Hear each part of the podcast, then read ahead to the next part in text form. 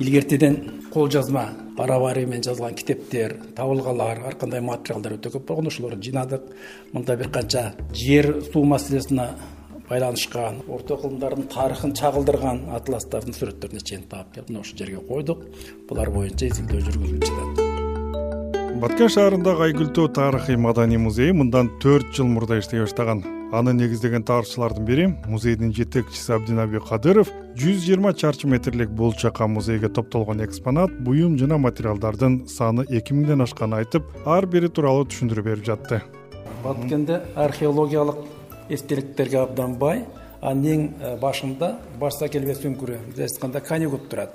Канигут үңкүрү биздин замандын экинчи кылымдарынан бери таандык бирок төртүнчү тогузунчу кылымдарда беш жүз жыл бою үзгүлтүксүз иштеген ал ошол доордо беш жүз жыл иштесе андан кийинки кокон хандыгынын тушунда да иштеген андан кийин совет доорунун тушунда да иштеген. Мындан чыккан э, күмүш темир продукциялар европага азияга өлкөлөрүнө чейин сатылып турган тарых илимдеринин кандидаты абдинаби кадыров уникалдуу тарыхый таржымалдарга бай баткенде бир да музейдин жоктугу мекеменин түптөлүшүнө негиз болгонун айтып айыл аралап элдин көмөгү менен экспонаттар топтолгонун мындайча эскерет мына ачуунун зарылдыгы мына баткен өзүнчө область болуп өзүнчө шаар болгондон кийин бул жерге келүүчү агымдар меймандар туристтер көбөйдү. Ошол эле мезгилде баткенде буга чейинки тарыхый музейдин жоктугу бизди э, бир аз өкүндүрүп жүргөн болчу. Ошон үчүн биз баткен мамлекеттик университетинин тарыхчы мугалимдери өзүбүз инициатива көтөрүп андан кийин ушул материалды топтоого кириштик дагы бул имаратты баткен мамлекеттик университетинин жетекчилиги бизге оңдоп түзөп даярдап өткөрүп беришти. Андан кийин биздин инициатива менен мына ушундай чака музейди түздүк. Биз бир жыл бою мына ушул элге чыгып баткен районундагы бүткүл айыл кыштактарды кыдырып элдин арасынан материалдарды топтоп келдик. Мына ушул элдер баардыгы өзүнүн буюмдарын мындай бизге белек катары эле тартуулашты музей негизинен алты тематикага бөлүнгөн. Мамлекеттүүлүк бөлүмүндө баткен жергесинен чыккан кыргыз мамлекеттүүлүгүн түптөөдө чоң салым кошкон инсандар алымкул аталык деген ат менен белгилүү болгон алымкул асан уулу болот хан деген ат менен белгилүү кокондун акыркы ханы исхак асан уулу абдыкадыр орозбеков исхак ыразаков абсамат масалиев төрөбай кулатов мурат салихов тууралуу кеңири маалыматтар документтер коюлган музейдин археология бөлүмүндө биздин замандын биринчи экинчи кылымына таандык чоподон жасалган өндүрүштүк түтүктөрдүн түп нускаларынан баштап баткенди жаңыдан коргоого алына баштаган петроглифтердин бир миң тогуз жүз жетимишинчи жылдары баткендин кара булак айылындагы мыктымкөр көрүстөнүнөн табылган кийин эки миң он жетинчи жылы кайра көмүп салышкан аялдын мумиясынын репродукцияларын да көрүүгө болот. Кыздын мумиясы аны биз могул жерге анын үлгүсүнө гана койгонбуз ал көмүлгөн боюнча калдыбы ал көмүлгөн боюнча калды. Биз ага бир канча э, суроо талаптык. Эгер керек болсо мына ушул музейге алып келип кайра коелу же эгер биздин музейде эме кылбаса анда ошко кайрадан бериш керек деген суроолорду да көтөрдүк. Бирок кайрылдыңыздарбы кайрылдык биз.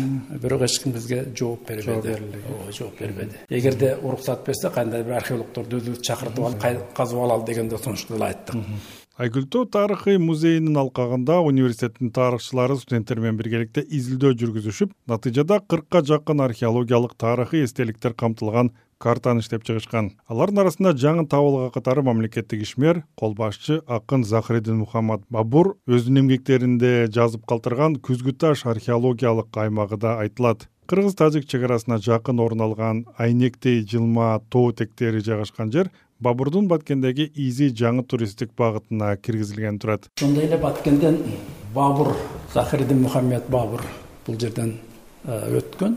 Ал бир миң беш жүз үчүнчү жылы шейбани хандан жеңилип куугунтукты алып келе жатканда хажент исфара аркылуу мына ушул э, исфарадан өрлөп чыгып келе жатып мына ушул э, баткен аймагында күзгү таш жөнүндө жазган. Сангия айна деп анын биз эмесин бердик мына.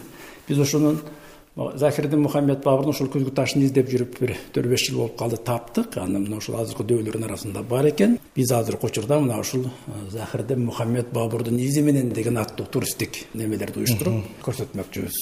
Баткендеги петроглифтердин жалпы саны он миңден ашты. Бул биз илимий айланмага киргиздик. Негизинен экспонаттардын эң күчтүүү каттар фронт каттары фронттун каттары үч бурчтук кырк экинчи жылкы кырк үчүнчү жылы печаттары менен. Оригинал да оригинал.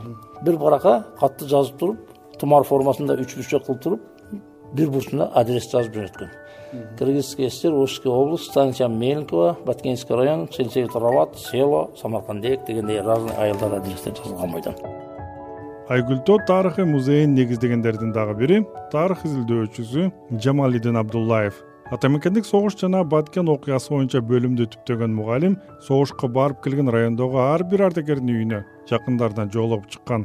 Жамалдин абдуллаев экинчи дүйнөлүк согуш мезгилинде орусия менен кыргызстан ортосунда аңыз кепке айланган окуяларды документалдык фактылар буюмдар сүрөттөр менен негиздеп жазып чыккан.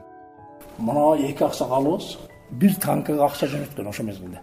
Сталинден кырк экинчи жылкы известия газетасында сыдык айтматовдун ошо жөнөткөн акчасына танка курулуп фронтко кирип кетти деп келген каттар бар.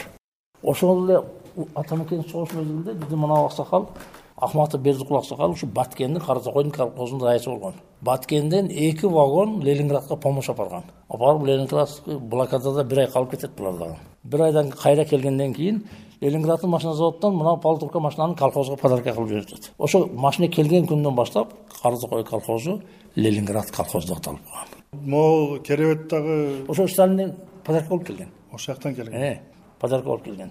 Фронтовикттердин ичинде эң күчтүүгү төртөө. Мына эки даңк ордени бар бул кишиде. Каразаков ташполот деп самаркандиктен болот. Эки даңк ордени кызыл жылдыз ата мекендик согуш ордени затвага деген дагы медаль болгон бул кишиде мына ал акчалар биздин байкарабак деген айыл бар ошо байкарабак айылдан бирөөнүн үйүнө жабылды күнү бүгүнгүдөй турат да кырсылдап. Бул кайсыл жылдагы ошо тогуз жүзүнчү жылкы. Тогуз жүзүнчү екатерина эки николай падышанын мезгилиндеги акчалар. Ошо өз доорунда жүз рубльге жүз кой берчү экен да. Азыр бул жерде беш жүз кой жатат ошондой эле баткендеги жалгыз музейинен жүз жылдык килемдер азыр токулбай калган уникалдуу терме таарларды буюм салчу жүн менен соолгон чабадандарды көрүүгө болот. Чабадан болсо эң негизинен жүктүн астына жыйылган. Жүктүн астына жыйганда чабадандын ичине саман пакал салып толтуруп тиккен да жыйып койгон. Жайлоодо бир жерден экинчи жерге көчкөндө саман пакалды салып туруп кыз келиндер кийимдерин ушул жерге салып тигип алып туруп өңүрүп алып кете берген. Чамадан. Ошо биздин чабаданды европалыктар чамадан деп алды да бизден үйрөнүп мынага жүз жыл о нарасага жүз элүү жыл болгон буга дагы жүл формасында чогулган. Музейде баткен районунун көп жерин суу менен камсыз кылып турган төрткүл суу сактагычына атайын бөлүм арналыптыр музейди түптөгөн үчүнчү тарыхчы кубанычбек таиров бир миң тогуз жүз жетимишинчи жылдары ошол кездеги дүйнөдөгү эң чоң жасалма көлдүн тарых таржымалын топтогон төрткүл суу сактагычынын стратегиялык объект катары маанилүүлүгүнү анын курулушунун тарыхыны төрт жүз элүү гектар жерде токсон миллион куб суу баткан уникалдуу көл экендигини бул көл ушул баткен районунун кийин кийинчерээк баткен шаарынын пайда болушуна негиз болгондугу жөнүндө бир маанилүүлүгү тууралуу келген конокторго окуучуларга айтып анткени бул көл болбогондо жасалма көл э? жасалма көл болбогондо жетимишинчи жылдарга чейин биздин э, кадамжай район аймак жакын аймактарды кадамжай районуна кошулуу бул жагын лейлекке кошуу мындайча айтканда баткен районун эки аймакка бөлүп салуу маселеси турган экен да айгүлтөө музейинин жетекчиси абдинаби кадыров жакшы жаңылыгы менен бөлүштү. Учурда музейдин төрт жүз чарчы метрлик жаңы заманбап имаратынын курулушу башталыптыр.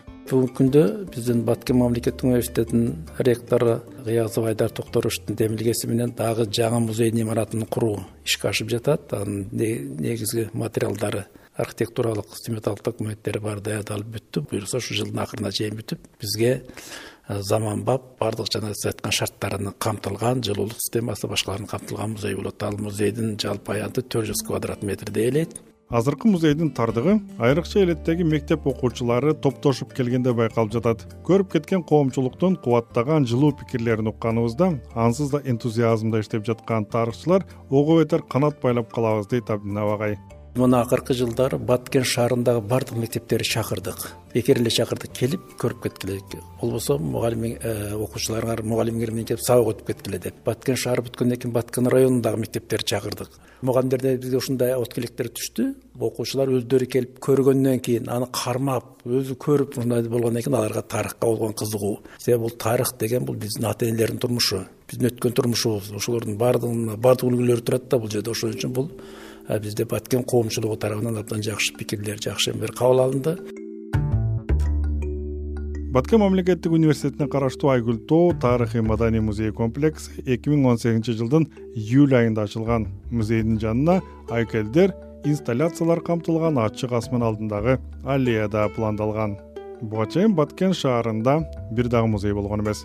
Сапыр абдымомунов азаттык баткен шаары